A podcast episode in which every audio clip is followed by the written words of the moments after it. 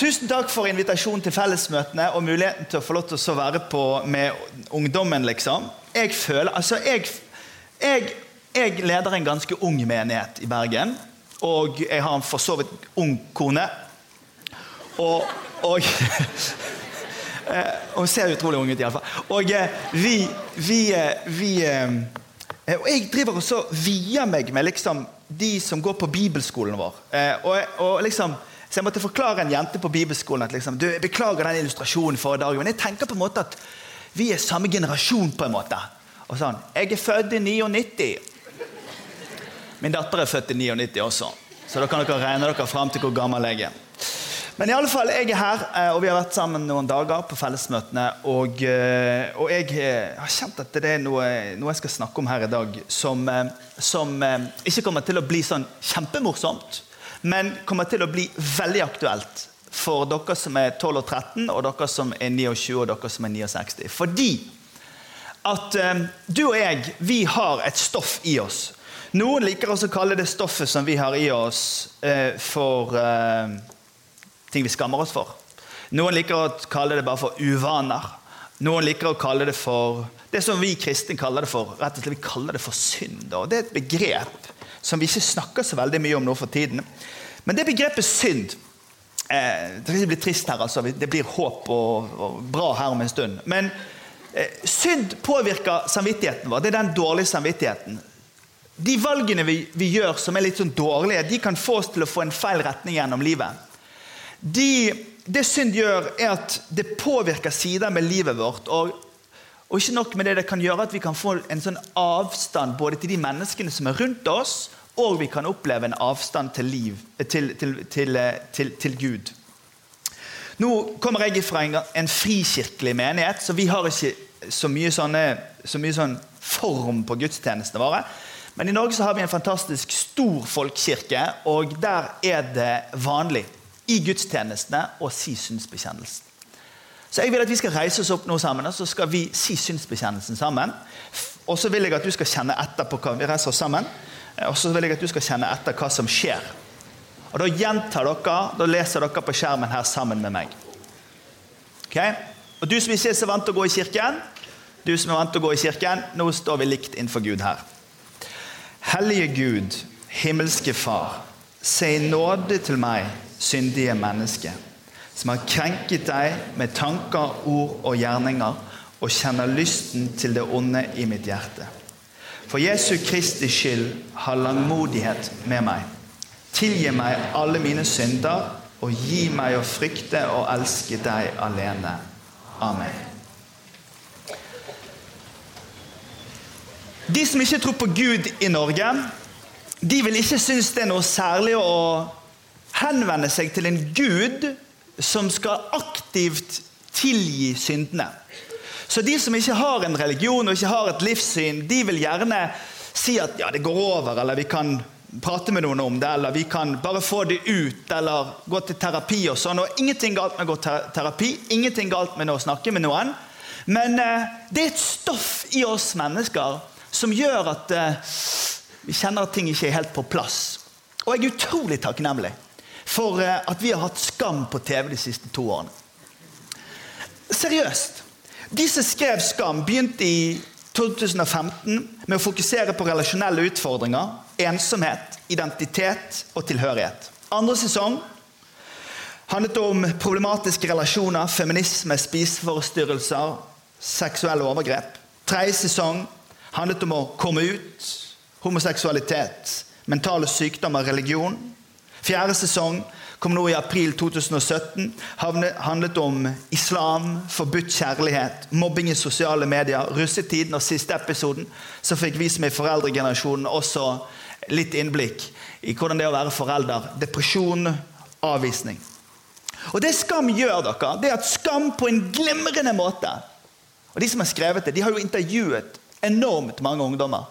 For å ta på pulsen hvordan vi egentlig har det her i dette lille landet vårt. Hva vi er opptatt av. Og nettopp det at vi er ikke så annerledes og rare, vi som kjenner på smerten av at ting er ikke helt på plass i livet vårt. Vi skal lese en bibeltekst om en liten stund, og det er en litt sprø bibeltekst. og Noen her kommer til å reagere litt på den. Men enkelt oppsummert så handler det om en ung kvinne som gjør noe galt. Og så skal hun få dommen for det gale som hun har gjort. Det er langt vekk fra vår tid, så det kan virke veldig voldsomt når vi leser den teksten om en liten stund. Men hovedpoenget er dette. Kvinnen har gjort noe galt. Hun skal få sin dom. Men hun tror at hun er alene der hvor den dommen skal sies, men det er hun ikke. Hun møter en person som gjør at den situasjonen som skulle være slutten for henne, blir begynnelsen for et helt nytt liv. Skam er et fantastisk program. Og Jeg har spurt ganske mange sånne unge folk som jeg har rundt meg, hva er egentlig de gode nyhetene i Skam? Og Da sier de til meg Skam har et evangelium, og det er dette. All is love. Kjærligheten du får fra vennene dine, det er den du opplever at inkluderer deg men før de fleste sånne der eh, frelsesøyeblikk av at 'å, nå føles det bra', så får vi se noen klipp som vi kan kjenne oss igjen i. Og vi skal se et lite klipp fra Skam her. Har du snakket med han? Ja.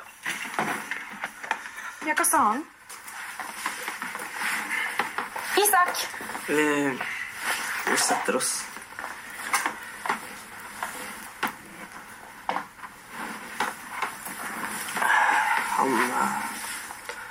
Han er ikke veldig blid.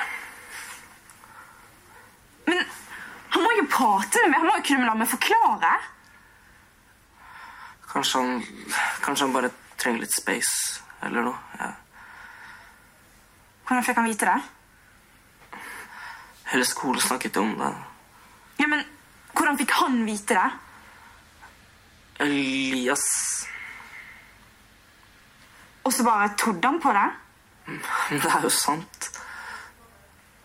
Men jeg skjønner ikke hvordan han kan bare to på et rykte uten å snakke med meg først. Han sa at han burde ha skjønt det før. Du Du har jo vært litt sånn random i det siste, altså. Kanskje det ga mening. Er det Jonas?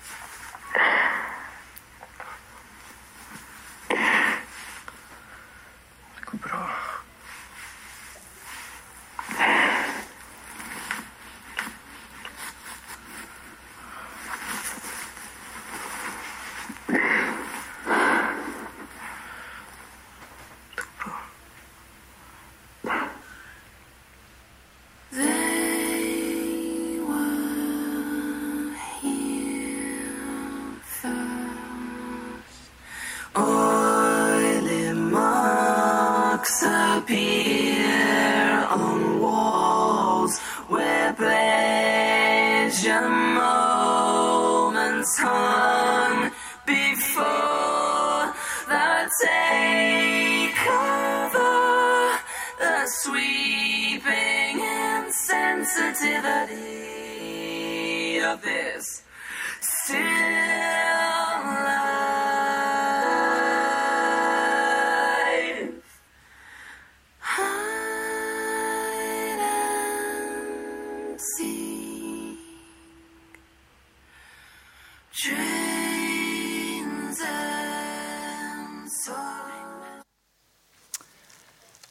Utenfor. Avvist. Skambelagt. Upopulær. Har gjort feil. Og vi kjenner oss igjen. Kanskje ikke du har opplevd det mye, men kanskje du har sett det. Kanskje du har opplevd det én gang. Den opplevelsen av å ha gjort noe som gjør at du har havnet på siden. Og det som er så spesielt er at I den historien som vi skal lese straks nå, så skal vi se at den kvinnen som skulle få dommen sin for det gale hun hadde gjort, hun opplevde akkurat det samme. At det var ingen som ville stille opp for henne. Men det som er så spesielt i løpet av den lille teksten som vi straks skal lese, det er at fordi Jesus er der, så skjer det et mirakel i den situasjonen. Og så skjer det en erkjennelse rundt de folkene som står rundt henne, i at vi er ikke et hakk bedre sjøl. Vi alle sammen står med skyld, sjalusi, konkurranse, skadefryd og alt dette stoffet som vi ikke er stolt av. Og det, det gjør at vi alle sammen befinner oss med en type skyld innenfor Gud. Skal vi lese sammen fra Johannes evangelium kapittel 8? Og Dere som har Bibel, dere kan slå opp. Dere som har en arm å notere på. Og Da mener jeg ikke din egen arm. Det beste sjekketrikset fra 90-tallet var å ta notater på den som satt ved siden av. Hvis du liker hun jenten sitter ved siden av, så tar du notater på hennes arm. Så spør du skal vi gå hjem til deg og se over notatene etterpå. Det, det funker som julingen i Bergen. Det, så det er bare å stjele. Jeg har noen sånne triks fra før internett, på en måte. All right. Ok, unnskyld. Unnskyld til alle foreldre og besteforeldre som hørte dette. Unnskyld. Johannes 8, vi leser. Hele folkemengden samlet seg om ham, og han satte seg og begynte å undervise dem. Og Da kom de skriftlærde og fariseerne med en kvinne som var grepet i ekteskapsbrudd. De førte henne fram, og så sa de, 'Mester, denne kvinnen er grepet på fersk gjerning i ekteskapsbrudd.' I loven av Moses påbudt oss å steine slike kvinner. Hva sier du? Dette sa de for å sette ham på prøve, så de kunne få noe å anklage ham for. Men da de fortsatte å spørre, så rettet han seg opp og så sa han, den av dere som er uten synd, kan kaste den første steinen på henne. Så bøyde han seg ned igjen, og så skrev han på jorden. Eh, og Da de hørte dette, gikk de bort, én etter én, den eldste først. Til slutt var Jesus alene igjen. Og Kvinnen sto foran ham, og da rettet han seg opp og så spurte kvinnen, hvor er du? Ingen har fordømt deg. Og hun svarte, nei, Herre, ingen. Da sa Jesus, heller ikke jeg fordømmer deg. Gå bort og synd ikke mer fra nå av. En annen oversettelse sier, heller ikke jeg anklager deg. Det som skjer i denne lille teksten der, det er det at disse mennene de setter opp akkurat som en rettssak og Jesus er nødt til å komme seg ut av den finten de prøver å sette opp imot han. Og Det Jesus gjør i løpet av denne her runden, her, det er at han frikjenner denne jenten for det som hun har gjort. Og hun får seg et helt nytt liv. Jeg tror at hvis du følger med de neste få minuttene For jeg er ikke en sånn som snakker så veldig lenge. Men hvis du følger med de neste minuttene, så tror jeg det kommer til å skje noe veldig kraftfullt i noen mennesker sitt liv her i kveld her i dette rommet, eller de som følger med på streamen her. Fordi at jeg skal forkynne for deg, jeg skal forklare for deg hvordan Jesus stiller seg sammen med de av oss som alle sammen har det der stoffet i oss som gjør at vi kjenner at dette er ikke på plass. Og det Jesus gjør, det at han kommer inn i den ringen hvor vi tror vi er alene. Og så gir han grenseløs tilgivelse og nåde. Disse strenge skriftlærde de hadde altså funnet denne kvinnen og tatt henne med. De slepte henne med seg fra der de fant henne på fersk gjerning. Vi kommer ikke inn på det. For dette er på Sørlandet. Vi kommer ikke inn på det, men det var fersk gjerning. Alright? Så drar de henne ut gjennom eh, gatene, forbi journalistene, forbi Internett. Opp forbi Facebook, forbi Snapchat, Forbi, forbi nabokjerringene, unnskyld uttrykket, forbi Skyttervika og opp på Tempelplassen. Og Der oppe der er nå denne jenten helt alene, og hun ser ned. Og så prøver de å finte ut Jesus. For hvis Jesus hadde sagt ja, det, det er ikke så nøye, det der, så hadde de sagt ja, men Moses sin lov sier at det er nøye. Og hvis Jesus hadde sagt det er nøye, gjør det dere vil med henne, så hadde de sagt at han måtte gå og snakke med de politiske lederne fordi han hadde tatt loven i, i, i egne hender. Så Jesus han var satt opp for at han skulle gjøre et mistak. Og da tok han betenkningstid. Det står han bøyde seg ned og begynte å skrive på jorden med finger. Jeg hadde gjort det samme. Altså, liksom, du, du, du er full, fullstendig fintet ut av sånne der folk som er det noe vi kan, så er det juss. Og det var sånne skikkelige advokater med bukse, altså de hadde belte og buksesele. Ikke sant? Eh, Og de hadde studert på universitetet i Bergen ikke sant? og de hadde lært seg å skarre på r-en og dømme skikkelig hardt. Sånn at det var skikkelig komplisert. Så han begynte å skrive på jorden. Og vi aner ikke hva han skrev på jorden. Der er veldig mange som har forsøkt å gjette hva han skrev på jorden, men vi aner ikke hva han skrev. Vi vet bare at han skrev. Ikke bare én gang, men han skrev to ganger. Folkens, denne jenten hadde gjort dette. Kanskje hun var en ung jente som hadde blitt giftet vekk til en eldre. Kanskje hun ikke fikk lov til å gifte seg med den hun hadde lyst til å gifte seg med. Kanskje han var en sånn ufyselig type, så hun manglet nærhet og kjærlighet. Jeg skal ikke stå og unnskylde henne, men jeg har bare lyst til at vi skal sette oss inn i at det er en jente som er i en fortvilet situasjon, som er blitt outet av vennene sine, og nå skal få en dom. Og hun har gjort det. Noen bare tok døren opp sånn og fant henne. Skrekken er jo at noen åpner døren og finner meg og deg. Altså når vi gjør det vi håper ingen skal se. Eller er med på noe som vi håper foreldrene våre ikke får vite. Eller som venninnen vår helst ikke burde visst om. Eller at noen kom inn og så de tankene som vi tenker inn i hodet vårt. Og vi alle sammen her, selv de snilleste blant oss, har det der stoffet i oss. Når vi har hatt månedsvis med metoo. Og metoo har vært en sånn det der, en sånn det der Noen har bare liksom bare åpnet opp døren og bare kastet lys innover menn som har utnyttet kvinner med sine posisjoner og sagt til dem at de får en lettere karrierestige hvis de gjør sånn og sånn av seksuelle tjenester. Og de har brukt posisjonen sin og musklene sine for å utnytte kvinner. Jeg er glad at vi har hatt metoo. Jeg er glad for at den stanken av frykt og skyld luftes ut. For Det vondeste med metoo-kampanjen er alle de kvinnene som har trodd at de var alene. Men plutselig har de skjønt at det er flere. Og det verste er de jentene som har båret skylden for ting som aldri har vært deres feil. Men metoo har lært oss det som skam har lært oss, og det som synsbekjennelsen minner oss på. At det fins et stoff i oss som gjør at du og jeg, vi er skyldige. Men da fortsatte de å spørre, så rettet han seg opp og så sa han til dem Den av dere som er uten synd, kan kaste den første steinen på henne. Og så bøyde han seg ned igjen og skrev. Og Denne gangen tok ikke Jesus betenkningstid. Det gjorde han den første gangen.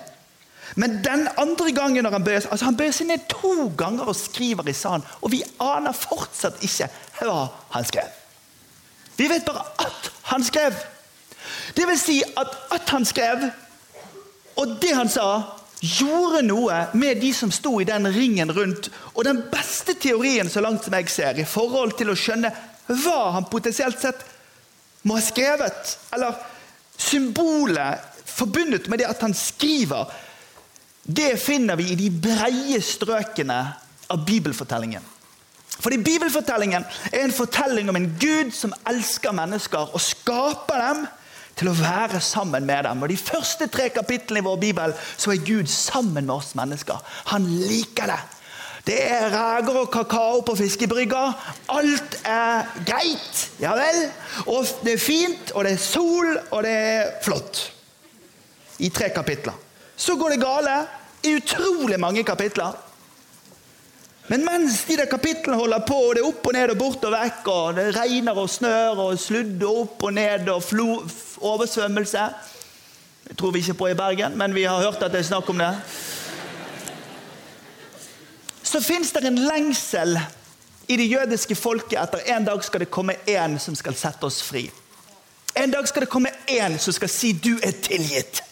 En dag så skal det komme en som sier 'vi vet det har gått skeis, men Heller ikke jeg anklager deg. Og Disse jødiske mennene de hadde nesten, de hadde gnagsår på hendene sine. De vasket seg for å bli renest mulig. Og De fulgte alle lovene og alle reglene, og de forsøkte å gjøre det umulige. Hvilket er å oppfylle enhvert krav som finnes i loven for at Gud skulle like de best. Og de avskydde de som livet hadde gått i stykker på. Har du gått konkurs? Out with you. Har du, har du, har du sett på en kvinne uten at Ut med deg. Har du snøttet på skatten? Ut med deg. Har du stått på skateboard? Lille venn, ikke gjør det. Har du Er du med?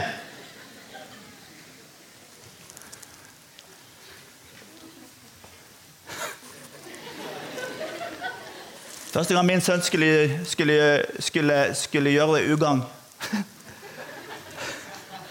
så, så jeg, han og kameratene de, de tagget.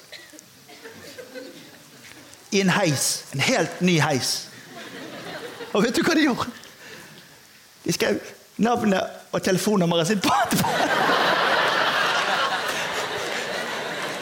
Så, så jeg og de andre fotballpappaene vi var nede der og vasket. Og vi sa dere er talentløse, dere klarer ikke engang å gjøre hærverk.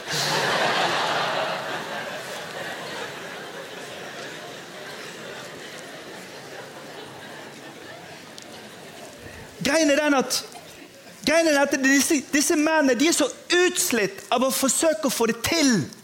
Men allikevel så står de i en ring rundt en kvinne som de nå skal dømme, uten at de innrømmer sjøl at de også har litt problemer.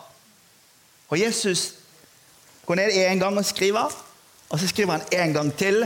Og hvert år dere på en jødisk høytid så ropte de ut fra profeten Jeremia, kapittel 17, vers 13. Og nå skal jeg si det til deg. Herre, du Israels håp. Alle de som forlater deg, skal bli til skamme. De som går bort fra meg, skal bli skrevet opp i støvet. Fordi de har forlatt Herren, kilden med det levende vann. Vi vet ikke hva han skrev, men vi vet at han skrev. Og så vet vi at i Johannes kapittel 7, og dere som leser Bibelen, kan sjekke når dere kommer hjem, så kaller han seg sjøl for det levende vannet. Og I kapittel 8 så kaller han seg sjøl for verdens lys. Og her står det noen menn som lengter etter en gang skal det komme en som skal si unnskyld, si at vi er tilgitt. Men kan det være Jesus? Han mannen fra Galilea. Han med det der lange håret. Han som går rundt her, er det han, eller skal vi vente på en annen? Og så står de i en ring, og de har steiner i hendene sine, og de skal ta hun damen. Og Jesus skriver i sa han. Det Skam har gjort for ungdomsgenerasjonen, ikke bare i Norge, men i Sverige nå, i Danmark og i andre land i Europa, det Skam har gjort, er å fortalt gutter og jenter på sine gutte- og jenteværelser i garderobene og i klasserommene at du er ikke alene. Det er andre som har det sånn som du. Og Det metoo har gjort og fortsetter å gjøre, det er å fortelle oss at det fins et mørke bakom de lukkede dørene som er ufyselig, og som vi trenger å løfte ut. Og Når vi kommer til kirken og gjør syndsbekjennelse, så innrømmer vi, vi ordentlige, pene, pyntelige folkene, at også vi har det stoffet i oss som gjør at vi trenger tilgivelse. Så sier Jesus, 'Den er dere som er uten synd, kan jo kaste den første steinen', sier han. Og Så er det som om han holder opp et speil foran dem. Og så sier han, 'Ta en titt på dere sjøl nå'. Dere som eh, har skadefryd når det går galt med naboens nye Toyota. Du venninne som syns det var litt greit at Turi ikke fikk Pål på kroken allikevel. Du som tenker at det var jo like greit at eh, mammaen til Karianne mistet jobben, for da får hun ikke den dyre parkas denne vinteren heller. Fordi at vi har et stoff i oss som gjør dere at vi alle sammen må bare kjenne det at det angår oss alle. Og Vi kan tenke det vi vil om Weinstein og Kevin Spacey. Og vi kan tenke det vi vil om teatersjefer og norske politikere. Vi er i sjokk, men vi er også blitt realitetsorientert. Vi alle trenger Guds nåde. Da de hørte dette, så gikk de bort én etter én. Og så syns jeg jo det er utrolig flott at de eldste gikk først. Har du levd litt, så har du blitt det vi kaller for realitetsorientert. Du har liksom skjønt det at vet du hva, livet går ikke på skinner for noen. Det Det kan jo virke som om det er silkeføre og, eh, og liksom fint vær og fred og fordragelighet. Men dere, vi lurer oss sjøl hvis vi later som. Det er mye bedre å være ærlig.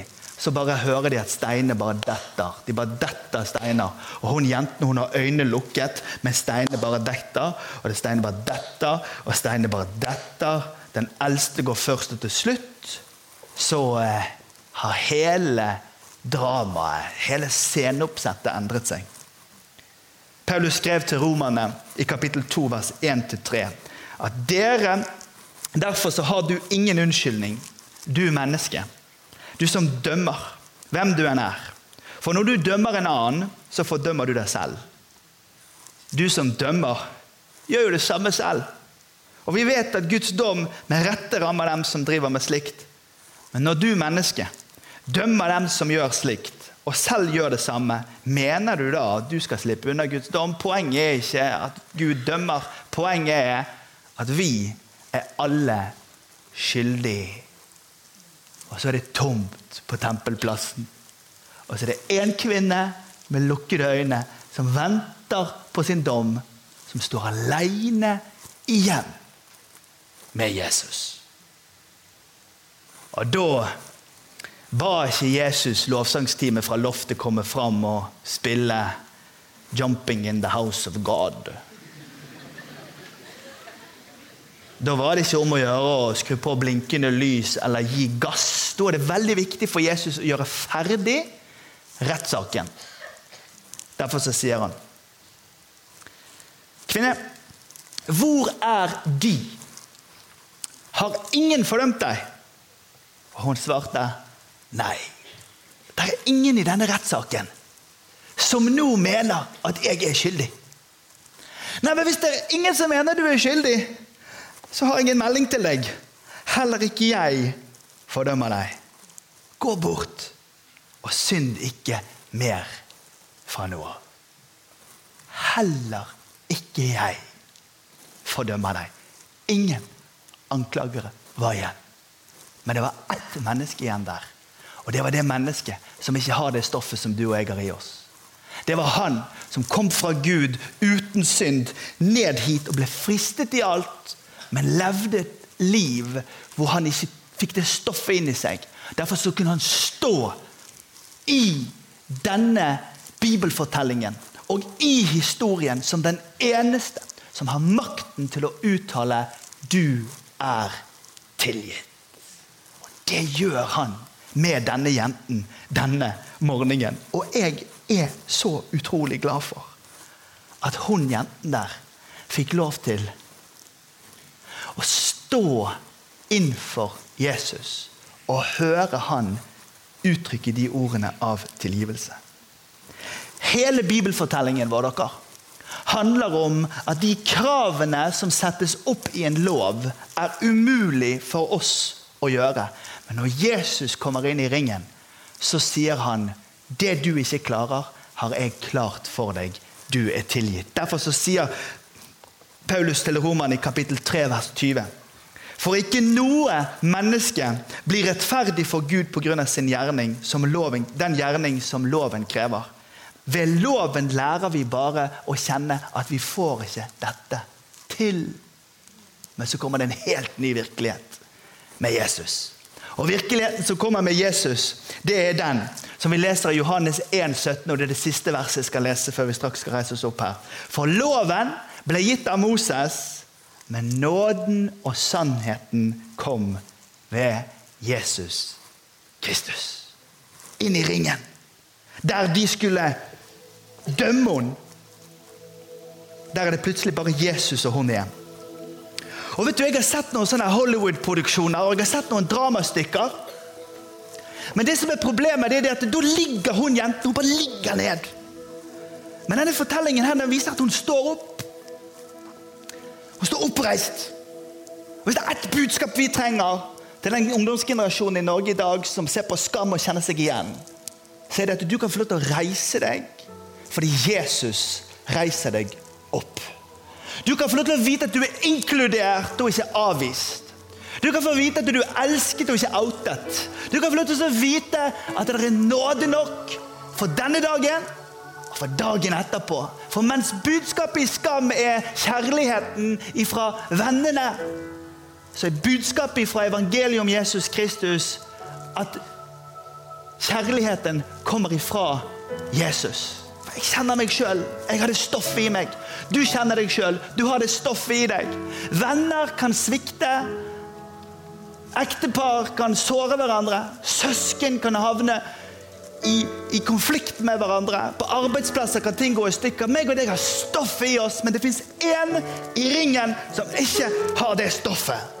Men han har makten til å si 'Jeg anklager deg ikke. Jeg elsker deg. Kom til meg.'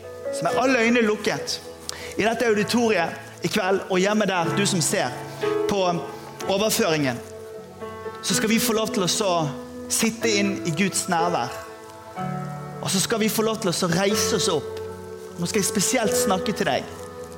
Jeg tror det er noen jenter her som har opplevd en avvisning i den siste tiden. Og du lengter etter at den avvisningen som holder på å sette seg som en bitterhet i ditt hjerte, at du skal få lov til å oppleve at den bare mister taket sitt. Jeg tror at Gud skal gjøre et mirakel for noen som kjenner en avvisning. Det er et venninneforhold. Så det er noen andre som har noen problemer med, med, med foreldrene sine, spesielt med mor. Og jeg, jeg, vil at du skal bare vite det at Jesus han står der inne på rommet ditt nå. Og du skal ikke krøke deg ned. Du skal ikke legge deg i fosterstilling og binde deg sjøl sammen. Du skal ikke bekjenne 'jeg har vondt i magen', men du skal få lov til å strekke opp kroppen din og stå innfor Jesus, som sier til deg 'Heller ikke jeg fordømmer deg'. Med alle øynene lukket nå,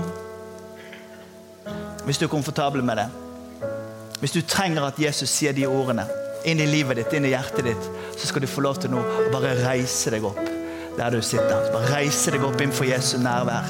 Bare reis deg opp. Skal ikke gjøre noen ting flaut, men jeg skal ikke dra deg fram her. Du skal bare få til å reise deg opp innenfor Gud. Takk, Jesus, for det du gjør. Du kan sitte så lenge du vil før du reiser deg, men folk har begynt å reise seg. Bare reiser oss oss innenfor Jesus. For vi skal ikke krøke sammen. Vi skal ikke leve et liv i skam. Vi skal ikke leve et liv med fordømmelse. Vi skal ikke leve et liv i avvisning, men vi skal stå innenfor Han som gir tilgivelse. Du kan bare være i Guds nærvær. Ta den tiden du trenger, men det er folk som reiser seg opp her sånn danner vann. Du kan bare få reise deg inn for Han. Takk, Jesus. Takk, Jesus. Takk, Jesus. Takk, Jesus. Takk, Jesus. Ok, Da kan alle reise seg.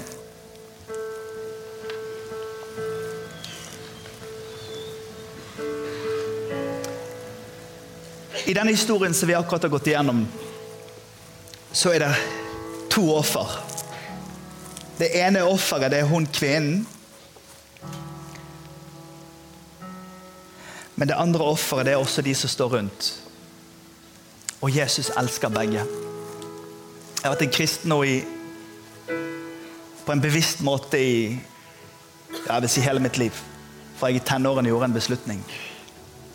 Men jeg har sett så veldig mange mennesker holde sinnet som steiner i hendene sine. Skjule sitt eget liv og ende opp med å kjøre et skuespill. Og da blir det for slitsomt. Jesus var her, ikke bare for den kvinnen, men også for de menneskene som sto i ringen rundt. Og Jesus forsøker bare å formidle til oss alle, sånn som jeg har forsøkt nå i kveld. Vi bekjenner våre synder, for det gjelder oss alle. Skam forteller oss at vi kjenner oss igjen.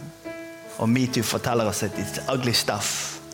Og inni dette rommet her, folkens, vi alle trenger Jesus. Hvis du er her og du ikke kjenner Jesus, så sier Bibelen at det mennesket som tror om bare litt i sitt hjerte på Jesus, så skal det mennesket regnes som et Guds barn. Og Det betyr at du trenger ikke ase opp en tro på loftet i Randesund, liksom. Eller på bedehuset på Flekkerøya.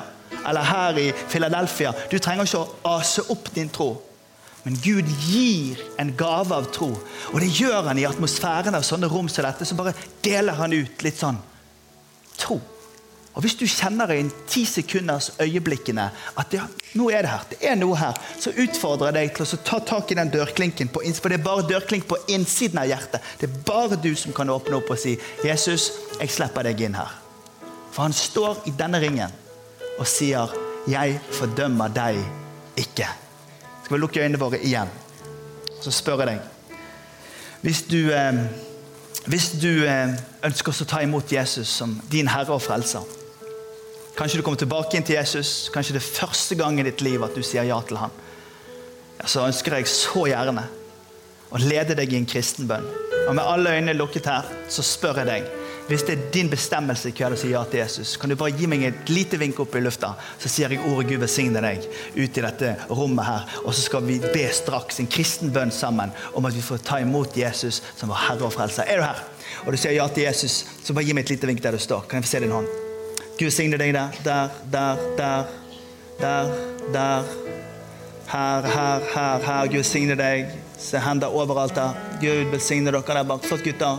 Glimrende. Flere bak her som sier ja, Jesus. Gud signe dere. Flott. Gutter, dere er tilgitt. Jenter, dere er tilgitt. Se hender overalt her. Kan dere se på meg igjen, folkens? Hør, venner, hør på meg nå. Når vi ber denne bønnen om å invitere Jesus inn Noen av oss trenger også å komme tilbake inn til Jesus. Og noen av dere trengte virkelig bare høre det i kveld, at du, du er tilgitt. Vet du, Jesus han gir ikke en manual til hun jentene. og nå må du huske å gå vekk herfra, oppføre deg ordentlig og være grei og gå på søndagsskolen og hjelpe gamle damer over veien. Og... Han sier ikke det. Han, vet du hva? Jesus lar den kvinnen møte en kjærlighet som er så sterk at han forandrer hennes liv. Og det er det jeg har tro for for deg. Så vil dere be denne bønnen her sammen. Du kan gjenta etter meg. Kjære Jesus. Takk at du kom til verden for å redde mennesker. For å redde meg. Jesus, jeg tar imot din tilgivelse. Og jeg velger å kalle meg din. Takk, Jesus, at du tar imot meg. Jeg vil så gjerne at du som tok en bestemmelse for Jesus her i kveld, skal få prate med noen. Det er helt frivillig, for jeg lovte at jeg skal ikke dra noen fram her. Men det er én ting, ting vi må gjøre i kveld. Og det er at vi må be en skikkelig bønn om at de av dere som har en fordømmelse og en avvisning i livet deres, som smerter, at dere skal få en berøring av Jesus. Kan jeg få lov til å bare spørre dere en gang til? Dere modige som reiste dere i sted. Det var det var ganske mange som reiste seg her i sted, men jeg spør en gang til, for jeg trenger å ha et gjennombrudd på dette punktet. Du som ligger våken om natten, du som kjenner tanker av motstand mot andre mennesker. Du nærer en aggresjon og et sinne. Du som har mye magesmerte.